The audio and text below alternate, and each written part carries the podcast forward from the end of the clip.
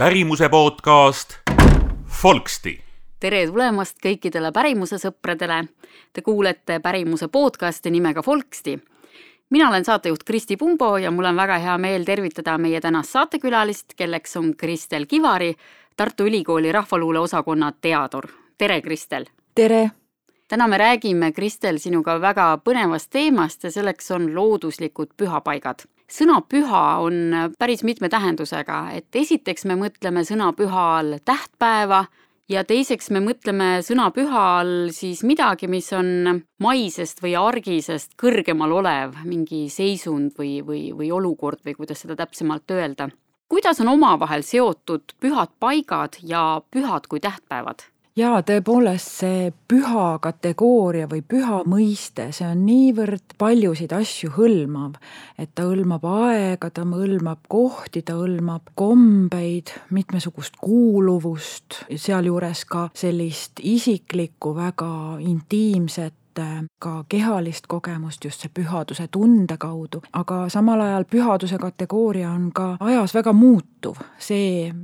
mida selle all mõistetakse, on ajas palju muutunud, aga on kahtlemata mõned sellised ankrud nii äh, siis sellises materiaalses ainelises maailmas kui vaimses pärandis, mis aitavad meil selle pühadusega kontakti saada ja ja, ja seda ka tajuda, mõtestada ja ka mäletada. kui me tuleme nüüd looduslike pühapaikade juurde, ehk Eestis kasutatakse sellist terminit nagu ajalooline looduslik pühapaik, siis nende all tavaliselt mõeldaksegi selliseid siis mitte hoonetes või, või mitte ka linnamaastikus asuvaid maastikuobjekte, hiiemetsi või hiiekohti, kivisid, allikaid, mida siis populaarsemas teadmises on seostatud nii-öelda muistsete eestlaste kommetega. kui muistsed need eestlased siis olid ja mis need kombed olid ja kuidas see suhestub tänapäeva arusaamadega pühadusse, siis, siis sellest siin erinevate näidetega me juttu teemegi, aga kui jällegi tulla selle püha kui mingisugune näiteks jõulupüha või, või siis ka jaanipäev ja siis nende pühakohtade juurde tagasi, siis, siis Eesti folklooris kahtlemata on pühapaikades tehtav väga oluliselt seotud kalendri kombestikuga. Ja kalendrikombestik loomulikult jällegi peamiste siis elatusaladega ja selle eluringiga, milles inimesed viibisid. Ja sealt omakorda võime me näha ka suhteid siis nii kodu ja välispiiri vahel kui ka inimese ja looduse vahel laiemalt, et et olulisemad kalendri tähtpäevad ongi ju seotud ikkagi põllumajanduskalendriga, karja kasvu tagava, põlluviljakust tagavate pühadega ja külvikalendriga. näiteks olulisemaid selliseid tähtpäevi, mida ka pühapaikades tähistati, oli jüripäev, mis seostub siis karja väljalaskmisega ja no näiteks Virumaalt on teada, Jõhvi kihelkonnas on asunud Vaivina küla piirides näiteks lüpsiku turvutamise kaev. sellist tempu nii-öelda on seal tehtud, et külanaised on läinud jüripäeval siis sinna kaevule ja leotanud oma lüpsikuid selleks, et lüpsikud oleksid siis suvi otsa täis. sellesama kaevu lähedal on asunud ka pudrukaevu kivi, nii et ei olegi päris täpselt teada, et kas seesama kaev on olnud ka pudrukaevu nime all tuntud, aga selle kohta on jällegi teada, et jüripäeval pärast karja lahtilaskmist on külanaised tulnud sinna kokku, keetnud putru, küpsetanud kooki, söönud, laulnud, lõbutsenud, nii et jällegi seda saab seostada siis karjaõnne taotlemisega ja, ja samas ka sellise sotsiaalse tegevusega nagu lõbutsemine, pidutsemine, koos söömine teine väga tähtis viljakuskalendri tähtpäev on muidugi jaanipäev ja jaanipäeva kombestik, mis seostub pühapaikadega, on väga rikas ja üle Eesti tuntud. jaanipäeval näiteks Mulgimaale selline spetsiifiline pühakoha liik on ohvriaiad, nimetatakse ka pelliaedadeks. see traditsioon on küll juba üheksateistkümnenda sajandi lõpus olnud hääbumas, aga sellegipoolest on need olnud sellised piiritletud paigad siis kusagil taluaia piirides, kus üldiselt ei ole niidetud. Ja sinna on viidud siis uudset nii-öelda kõikidest saakidest. kui lehm tuleb lüpsma, siis esimene piim, esimene viljasaak, esimene leib ja, ja kui ka loom on tapetud, siis sinna on viidud sellist nagu ohvriaeda. samal ajal on need pelliaiad või ohvriaiad olnud ka sellised nagu demoniseeritud, et seal on äh, mõnikord nähtud musta kukku kõike või vanapaganat, et see ka iseloomustab neid pühakohti ja, ja õigupoolest seda, seda suhtumist, et kuidas see on võib-olla üheksateistkümnendal sajandil see pühadus juba asend-, asendunud sellise mingi tontide või kuradi uskumustega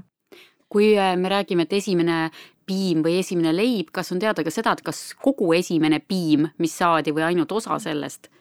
Neid teateid on erinevaid, et, et on olemas küll selliseid tekste, mis ütlevad, et kohe nädalate kaupa kogu piim viidi sinna pelliaeda, aga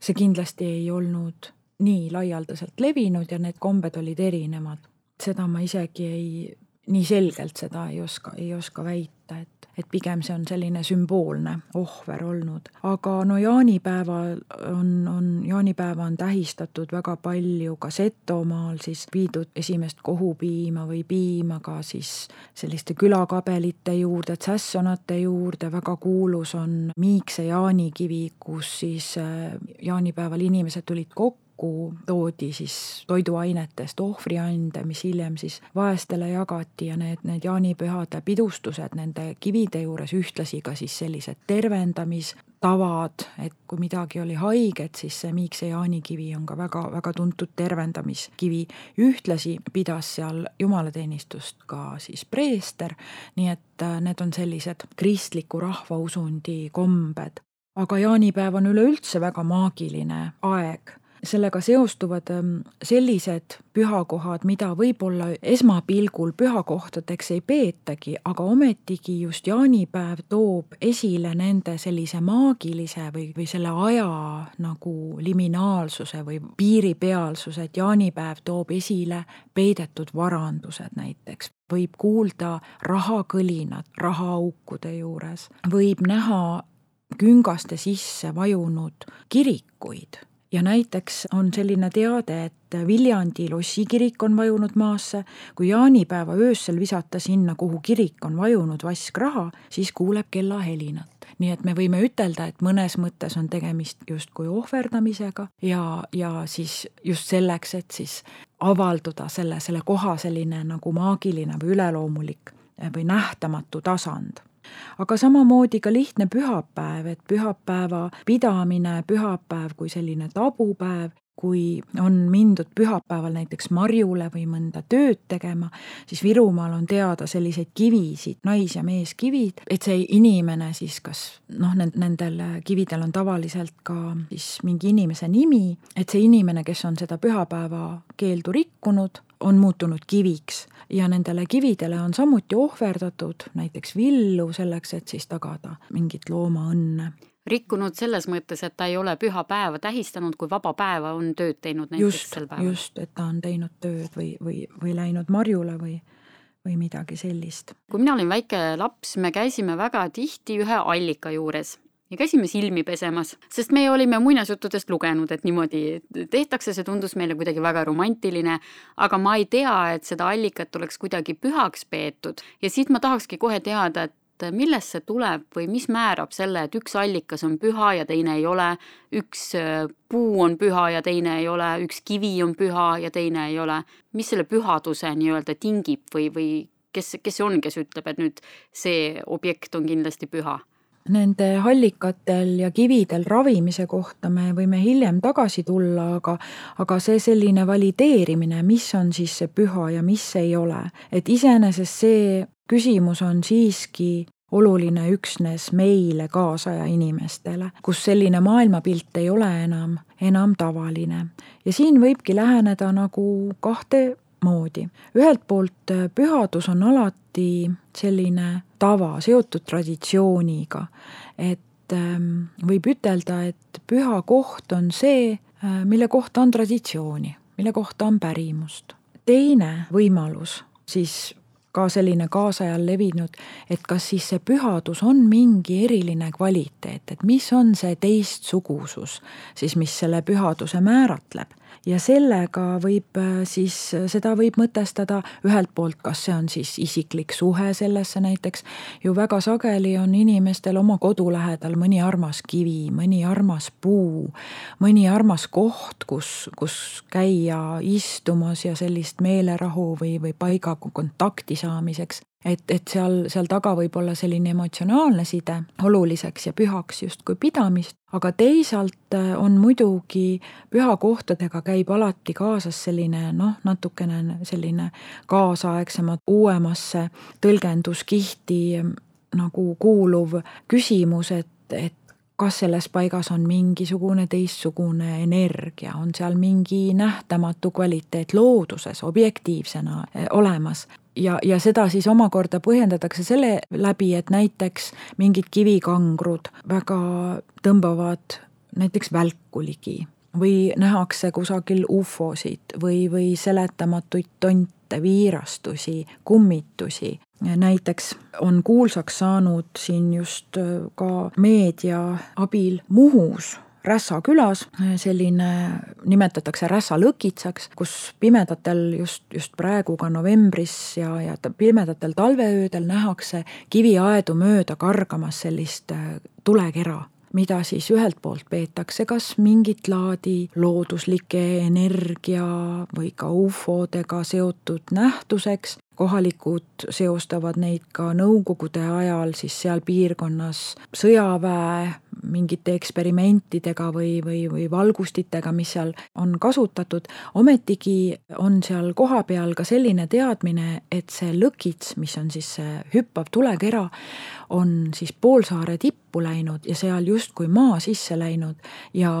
ja suure pauguga ja jätnud kivi peale hunniku tuhka, mis omakorda tegelikult äh, viitab äh, muistendile kurat tulekerana, et, et, et vanapagan on läinud sinna. et otsesõnu see vanapagana pärimus on nagu kaduma läinud, ometigi selline tule, tondi või, või mingisuguse sellise kurja vaimu maa sisse minek suure pauguna jättes kivi peale tuhka, on ka vanemast äh, muistendipärimusest täiesti tuntud motiiv.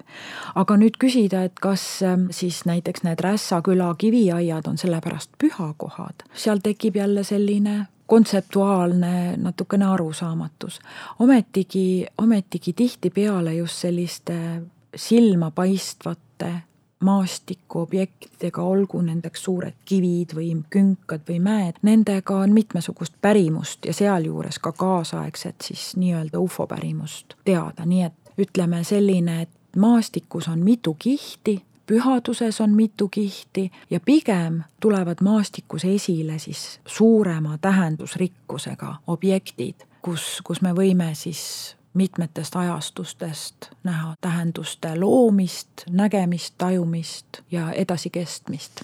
kas näiteks võib olla üks äh, selline määratlus ka see,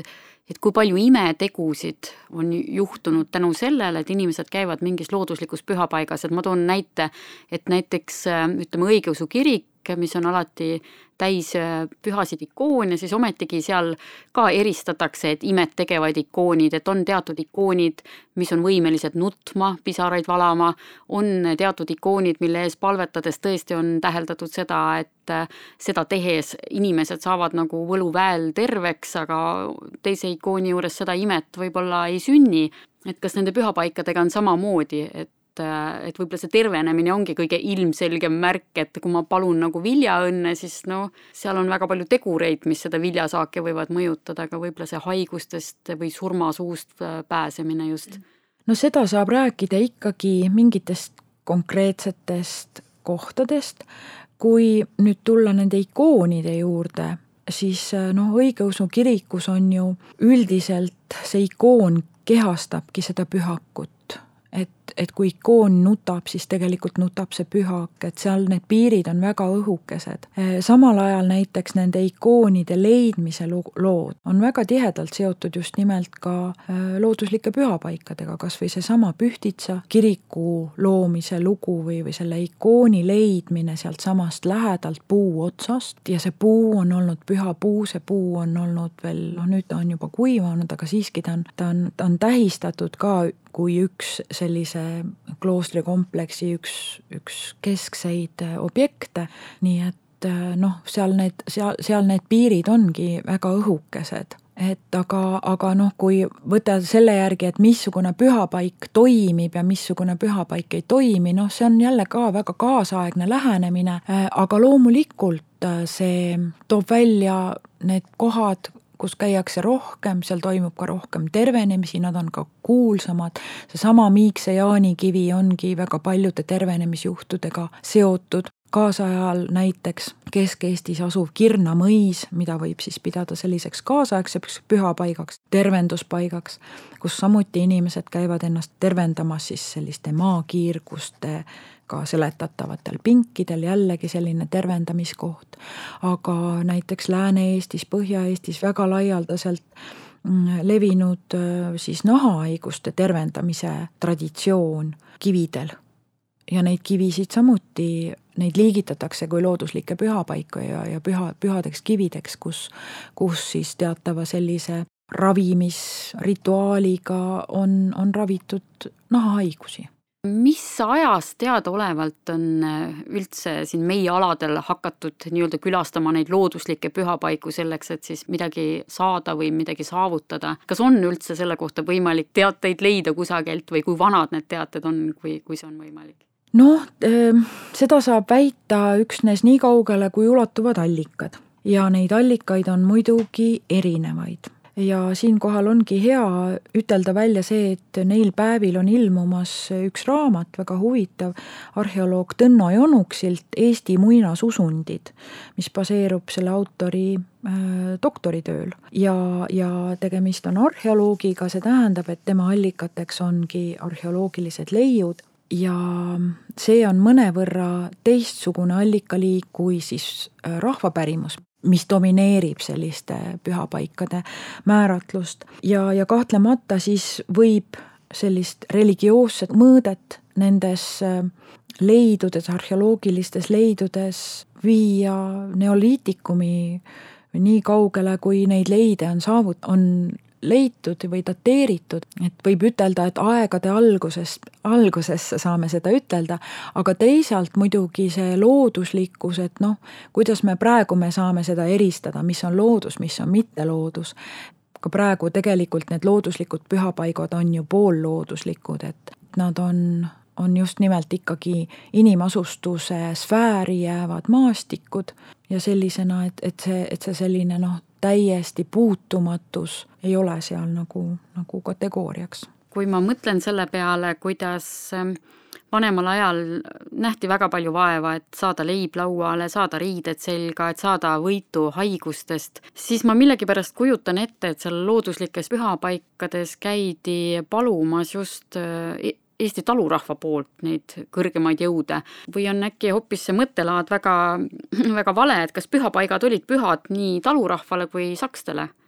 see on nii ja naa ja, ja tegelikult äh, samuti ulatub nii kaugele, kui see nii-öelda sakste mõju siin nendel aladel on, et tegelikult ongi need, need kõige vanemad kirjapanekud äh, kirjalikud allikad ju lähtunud sellest, sellest kultuurikonfliktist siis äh, kohaliku rahva ja siis äh, sellise ülemkihi vaimulike ja kroonikute vahel. et äh, tegelikult näiteks varasemad kirjalikud allikad siis kolmeteistkümnendast sajandist paavst Innocentius kolmas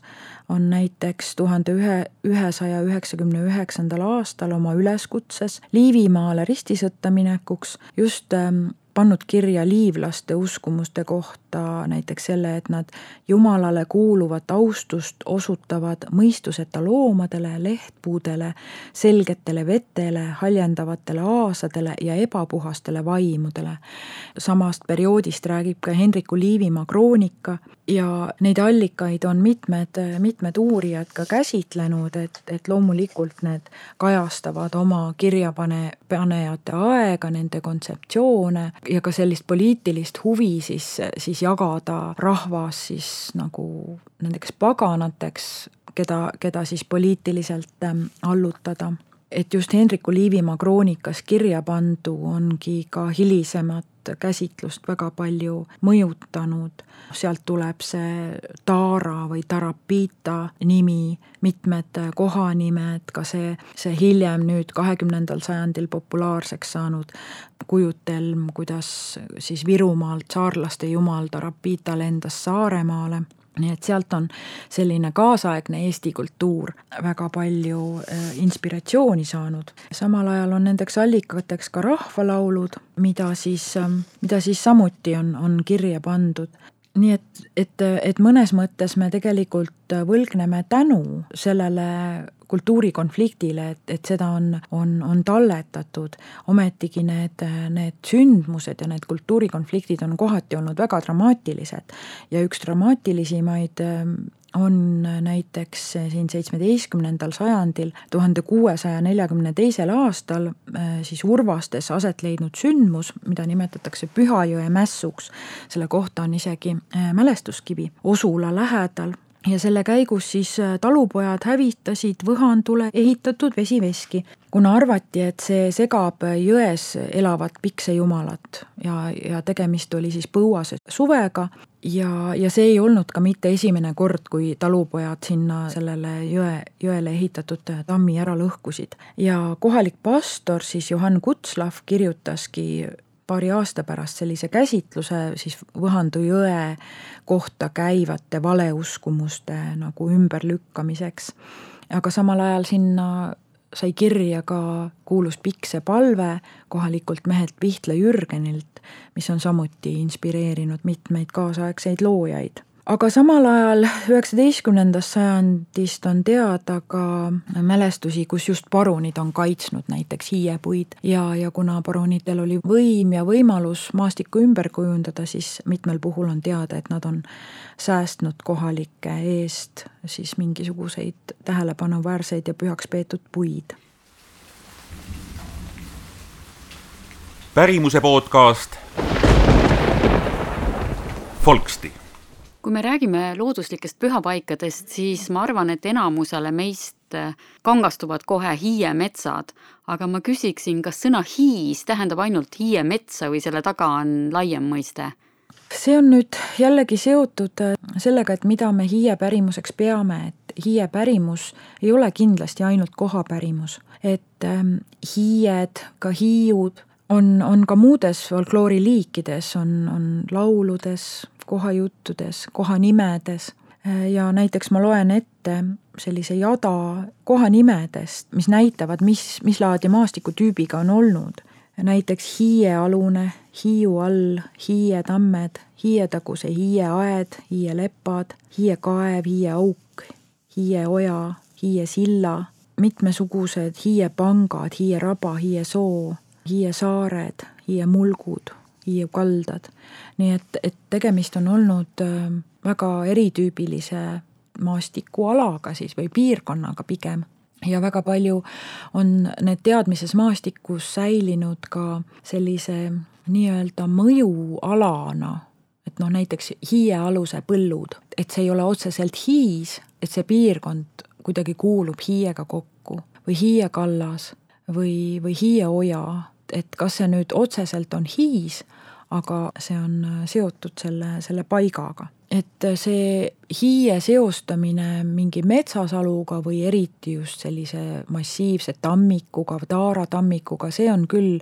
rahvusromantiline selline ja pigem nagu saksa ja isegi antiigimõjuline ettekujutus, nii et ähm, tegelikult maastikus on need hiie, äh, hiiepaigad olnud sageli sellised üleminekukohad et nad ühelt poolt ei ole olnud nagu haritavad, ehkki on teada ka hii-, just needsamad hiiepõllud või, või hiieväljad, kus on ka haritud maad, aga sellegipoolest noh, see seostub selle püha sellise piiripealse või üleminekualaga, et nad on olnud kas lageda maa keskel asuvad mingid voored või, või sellised moreenikaldad mis on siis, mis on siis seotud selle Hiie nimega. ja sageli on ta ka seotud veekoguga. Hiie piirkondade juurde on väga tihti kuulunud ka siis mingit laadi veekogu aga kui nüüd minna väga täpseks ja konkreetseks, siis näiteks äh, mind küll huvitab, et mis need toimingud täpsemalt oli, mida seal hiites siis läbi viidi. Ja kui me siin just kuulsime kirjeldustes, et hiiepõllud ja hiiejõed ja nii edasi, et kas ähm, neis eriliigilistes hiiepaikades olid äh, ka kuidagi ära jagatud need toimingud, et näiteks, et Hiie jõgi sobib ainult selleks, et äh, paluda, ma ei tea, tervist või, või kalasaaki ja hiiepõllud või, või Püha tamm selleks, et äh, paluda näiteks head viljasaaki või, või, või head tervist või midagi muud. Ühelt poolt on Eestis hiie pärimus, hiie pärimust palju kirja pandud, aga üheksateistkümnendal sajandil selline täpsem teadmine mida hiites tehti, mis rolli see inimeste eludes või kogukondade eludes mängis, see oli ikkagi juba kadumas. nii et ühelt poolt võime ütelda, et küll on palju pärimust, aga sellist konkreetset kindlat teadmist, mida hiites tehti, see on pigem fragmentaarne ja oletuslik on teada, et need on olnud üheksateistkümnenda sajandi, kahekümnenda sajandi alguses endiselt kooskäimiskohad, just nimelt siis kalendripühadel. sellised kaldad, veekogud on tihtipeale seotud ilma ennustamisega. näiteks äh, hiljaaegu olen külastanud äh, Pärnumaal Eassalus asuvat Pangamäge, kus äh, kõrval asub hiieauk, milles asub ka hiiekivi ja see hiieauk on kuulus selle tõttu, et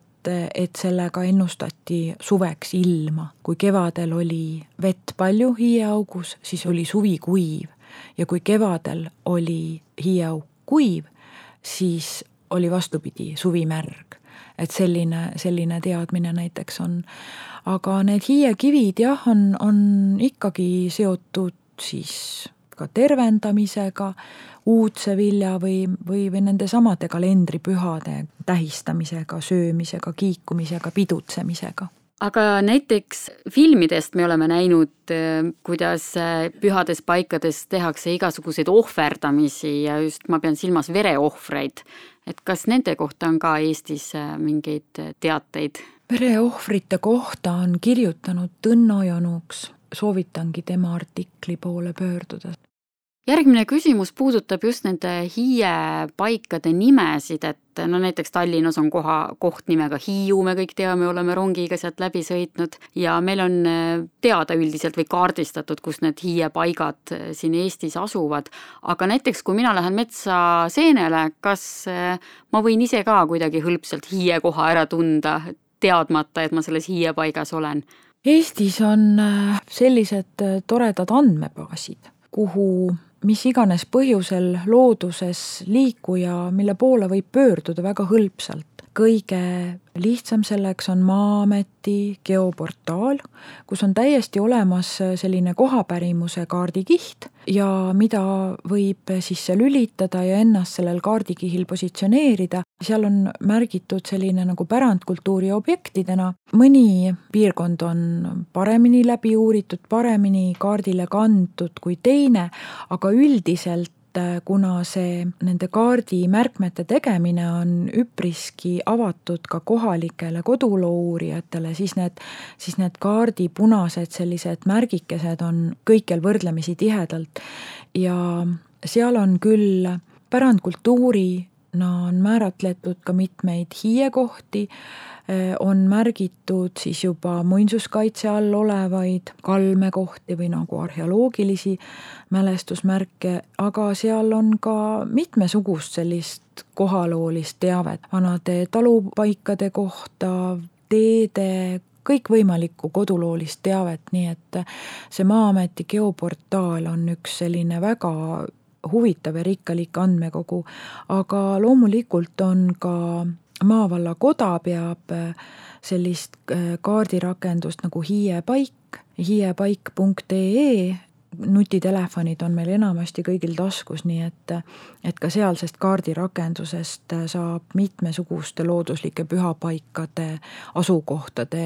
ja, ja, ja ka andmete kohta head teadet ma kujutan ette, kuidas seal pühapaigas need inimesed käisid ja kuidas nad seal palusid üheskoos selleks, et midagi edendada, aga kes ühes hiiekohas ikkagi või pühapaigas koos käisid, kas see oli pigem ühe küla inimestel oli välja kujunenud mingi pühapaik või ühes külas võis olla mitu erinevat kohta, kus käidi? Või oli hoopis mingi muu selline tunnus, mille järgi inimesed või mingi kogukond otsustas, et see on nüüd see koht, kus nemad käivad palumas eks selle kohta on jällegi raske midagi kindlalt ütelda, aga tegelikult kooskäimiskohas koos käivad inimesed ongi üldiselt ju kogukond. nii et eh, ehkki samas külas võis olla mitu praegu, praeguseks loodusliku pühapaigana määratletavat, näiteks et oli mingi hiiepaik, kus asus siis ka Jaanitule plats, aga eemal oli kusagil mõne looga seotud kivi, näiteks Kalevipoja kivi, näiteks Lääne-Eesti väga tihedalt seotud Kalevipoja ja Vanapagana pärimusega, neid, neid äh, Kalevipoja ja Vanapagana kive on ka Virumaal palju. Ja, ja noh, näiteks ravimiseks võidi kasutada seda, seda kivi hoopis, aga, aga sellise kollektiivse kooskäimiskohana raske, raske ütelda, et äh, vaevalt, et ühes külas neid otseselt mitu oli, pigem on niimoodi, et äh, et ühel pühal käisid võib-olla rohkem noored, võib-olla süvi, suviste pühal käidi, käisid äh, koos rohkem noored, jaanipäev oli võib-olla natukene laiema, laiema inimeste hulga jaoks, nii et see sõltus ikkagi sellistest kooskäimiskommetest, aga selge see, et iga pühapaigal oli selline nii-öelda tagamaa või mis, mis kujunes siis ligipääsuteedest kuidas, kuidas inimesed liikusid, kuidas nad ennast määratlesid. see kõik on väga põnev, eriti just see teeb asja põnevaks, et äh, tundub, et see kõik oli väga ammu ja see on sellise ajalooriga varjatud meie eest, aga ma küsiks siis, kas tänapäeval on ka teada, et on selliseid pühasid paiku meil tekkinud või, või kes tänapäeval ütleb, et miski on püha või ei ole püha? No vot, siit jälle saame tulla tagasi nende pühaduse eri mõõtmete juurde, et ühelt poolt äh, see, et Muinsuskaitseamet on kahe tuhande üheksateistkümnendal aastal teinud uue muistise liigi nagu looduslik pühapaik, ehkki selle, selle piiride määratluse üle võib vaielda, aga sellegipoolest võib ütelda, et riiklikult on see peetud piisavalt oluliseks, et sellist keerukat muistise liiki kaitse alla võtta. kahtlemata on maastikus pühasid objekte ju mitmesuguseid, nagu ma ütlesin, neid isiklikke kodupuid ja kodukive ja ja, ja mälestuste ja, ja, ja sellise inimese kuuluvustundega väga tihedalt seotud kohti. samuti võib pühaks pidada ka iga inimese koduõue või oma sellist põlvnemiskohta, et see määratleb väga palju inimese maailmas ja, ja, ja tema otsustes aga kui jälle tulla tagasi sellise kindlama, ütleme, hiiekohtade siis ja kivide juurde või ka allikate juurde, siis ähm, küllalt on inimesi kaasaja Eestis, kes ka neid vanu hiiekohti pidevalt külastavad, tunnetavad selle kaudu oma kuuluvust sellesse nii-öelda ajaloo ja pärimuse jadasse, et see, et see pärimus ja see põlvnemine nagu annab inimesele sellise eksistentsiaalse tervikutunde. kahtlemata on ka need kombed muutunud, näiteks uueks võib pidada kahekümne neljandal veebruaril lippudega hiideminekut, mida samuti maausulised propageerivad, mis on selline noh, võib-olla selline riiklik mõõde, aga ometigi jällegi uus viis, kuidas neid kohti justkui tähistada või, või pühitseda või, või pühitseda see, seda Eesti Vabariigi aastapäeva siis sellise erilise väljasõiduga nendesse paikadesse on äh, ühelt poolt ju tegemist Eestis väga paljudes kohtades sellise pideva asustuse ja kohamälu katkemisega Nõukogude perioodil. Ida-Virumaal on väga massiivselt rahvastik vahetunud, aga ka mujal just nimelt see nõukogudeaegne rahvastiku, aga ka maastikukasutuse muutus on seda toonud, aga samal ajal toimub ka vastupidine liikumine. inimesed, kes asuvad maale elama, otsivad just nimelt seda, seda kuuluvust ja, ja, ja põlvnevust selliste oluliste maastikuobjektide teadvustamise ja tähistamise kaudu, nii et, et tegelikult mõnes mõttes on võib-olla uue tähendusega täidetud vanad kivid saanud nagu uue pühaduse kihi oma sellise võib-olla vanasti karja, vilja või, või tervendamist kasutusel olnud seda, seda eesmärki, siis, siis tänapäeval minnakse, minnakse nende kivide juurde lihtsalt kui, kui oma kodukandi olulise sellise ajaloolise ja ka identiteedi koha juurde. Jällegi viia lint ette tähistada kas Eesti Vabariigi aastapäeva, sünnipäevi või, või teha selliseid koduloolisi matku, mille kaudu siis koha sellist vaimset pärandit tajuda ühes Marju Kõivupuu loengus auditoorium ahhetas, kui me nägime fotot ristipuudest ja mitte, et ristipuud ise oleks pannud meid ahhetama, aga see, mida nendega tehtud oli. nimelt olid ristipuud väga vägevad ja suured olnud ja nad olid võetud siis maha teatud kõrguselt, nii et ristid olid jäänud näha, nii et need äh, sellised puutüükad olid umbes meeter, meeter viiskümmend kõrged, ehk siis justkui oli kõik äh, poliitiliselt korrektne, et äh, ristipuud olid näha, me, me saime aru, et seal kunagi on ristipuud olnud ja ma küsikski,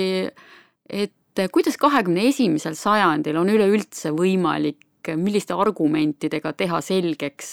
miks on vaja pühapaiku kaitsta? Ma arvan, et ähm, esimene nõue sellele küsimusele vastamine on, on natukene selle peale mõelda. Ja mõelda selle peale, et pühapaigad, milles siis saavad kokku nii materiaalne kui mittemateriaalne, et miks on need pühapaigad olulised, on just see, et nad maastikuobjektidena talletavad ja hoiavad tallel tegelikult mingit nii-öelda vana pärimust või vana teadmist, elutunnetust, mingit võimalust rännata ajast, mingeid teadmisi selles paigas. ehk et kui need ära hävitada, siis me tegelikult hävitame äh, selle osa oma kultuurist. et kui, kui meil ei ole enam nagu neid hiiepaiku või ka neid kivisid, siis meil puudub tegelikult ligipääs sellele väga suurele ja väga olulisele osale Eesti vaimsest kultuuripärandist ja see ongi tegelikult äh, põhjus, miks peaks maastik säilima. et just need otsused, noh, ja seal ongi muidugi kohe sisse kirjutatud see suur konflikt, sellepärast et äh, maastikuga seotud otsuseid tehakse iga päev ja sageli neid tehakse selliste noh, juba tänapäeval digitaalsete kaardiandmete, veelgi enam mingite automaatsete kaardirobotite kaudu siis nii palju, kui nendel otsustajatel on seda tarkust ja sellist tasakaalukust kaaluda neid otsuseid, nad peaksid tundma, milline vastutus on Eesti maastikul Eesti kultuuri säilimises ja lõpetuseks ma küsiksin seda, et kui nüüd keegi tahaks rohkem teada saada looduslikest pühapaikadest, kust ta võiks saada lisalugemist, lisakuulamist, mida te soovitaksite? Õnneks on äh, tegemist äh, üha kasvava nagu populaarsusega teemaga, selle kohta on võrdlemisi palju kirjutatud ja ma tooksin esile mõned autorid. üks äh, paremaid Eesti kohapärimuse üldse, aga ka just hiiepärimuse, pühapaigapärimuse tundjaid on, on Mariann Remmel ja ma soovitan otsida üles tema mitmesugused väljaanded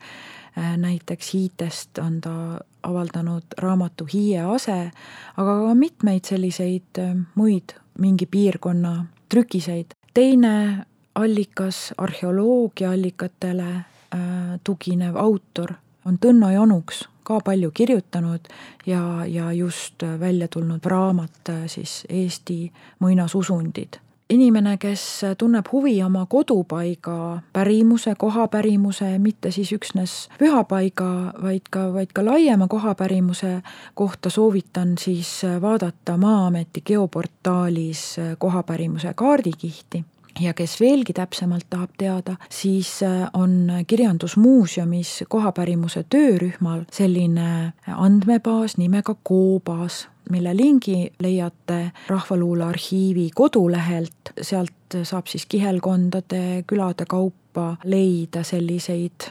avalikustatud tekste, see andmebaas on suurem kui need avalikud tekstid, ent sealt pääseb siiski ka sellisele üsna arvestatavale tekstikogule ligi. aga no kahtlemata on Eestis ju kohapärimuse talletamise, kodu uurimisega tegelenud pea igas piirkonnas keegi, neid kodulooliseid trükiseid on avaldatud ja, ja, ja, ja küllap ka nende juurde saab siis pöörduda raamatukogude kaudu. viimane number Mäetagustest ka kõneles. jaa, just, selle unustasingi ära, et, et folkloori ajakiri Mäetagused on siis viimane number, on just nimelt ähm, pühendatud looduslikele pühapaikadele ja selle number on tõukunud siis äh, Muinsuskaitseameti looduslike pühapaikade inventuurist, mida ka juba aastaid on tehtud ja selle numbri autorid on samuti siis neid pühapaika kaardistamise töid aastate jooksul teinud. Äh, sealt võib ka leida mitmeid huvitavaid käsitlusi hiiepaikade kohta Mariann Remmelilt ähm, mahukas artikkel Heiki Valgult näiteks Setomaa siis sellisest looduslikust, poolkristlikust, ähm, väga huvitavast äh, materjalist, kuidas on käidud kokku teatavate kohtade peal just nimelt need, need näiteks Miikse jaanikivid ja, ja, ja sellised kristlikel pühadel siis kooskäimistest, samuti on seal artikkel Mulgimaa pühakohtadest Laura Mäemetsalt, aga ka ülevaade Pikne Kamalt, ähm, siis Muinsuskaitseameti loodusliku pühapaikade äh, spetsialistilt ja, ja mitu muudki hu-, huvitavat artiklit on sealt lugeda. et ma täpsustan, oli see siis kaks tuhat kakskümmend kaks ja novembrikuu number?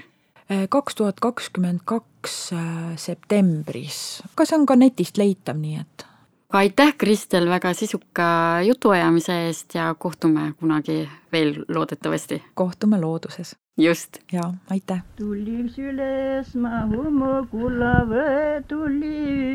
üles Umukulavara, inne valikõtta varra, inne valikõtta Lätsiusse ma kaema heve, lätsiusse kaema heusse, tserile morole usse, tserile morole, kuuliks tamme ikka vaata või ma kuuli tamme ikka vaat, piikja puud puhuvat, piikja puud puhuvat Küntüstammelt ma küsymähe või küntütammelt küsymähe nõssi, tammelt nõudemahe nõssi, tammelt nõudemahe midagi ikka ta tammõkene või mitte ikka tammõkene puud piksa puukene, puud pikki puukene Võtame lausi mul meelestani, võtame lausi meelestani, lausi meele poolestani, lausi meele poolestani. Tuudeks ikka ma tammõkene või ma tuud ikka tammõkene puu, pikker puukene puu, pikki puukene võeta see puu kõik maha võti, võeta see puu kõik maha võti, kada järka kuti, kada järka kuti. jäi ma no tuulele tõugata või ma jäi tuulele tõugata viima piiserme pillelda viima, piiserme pillelda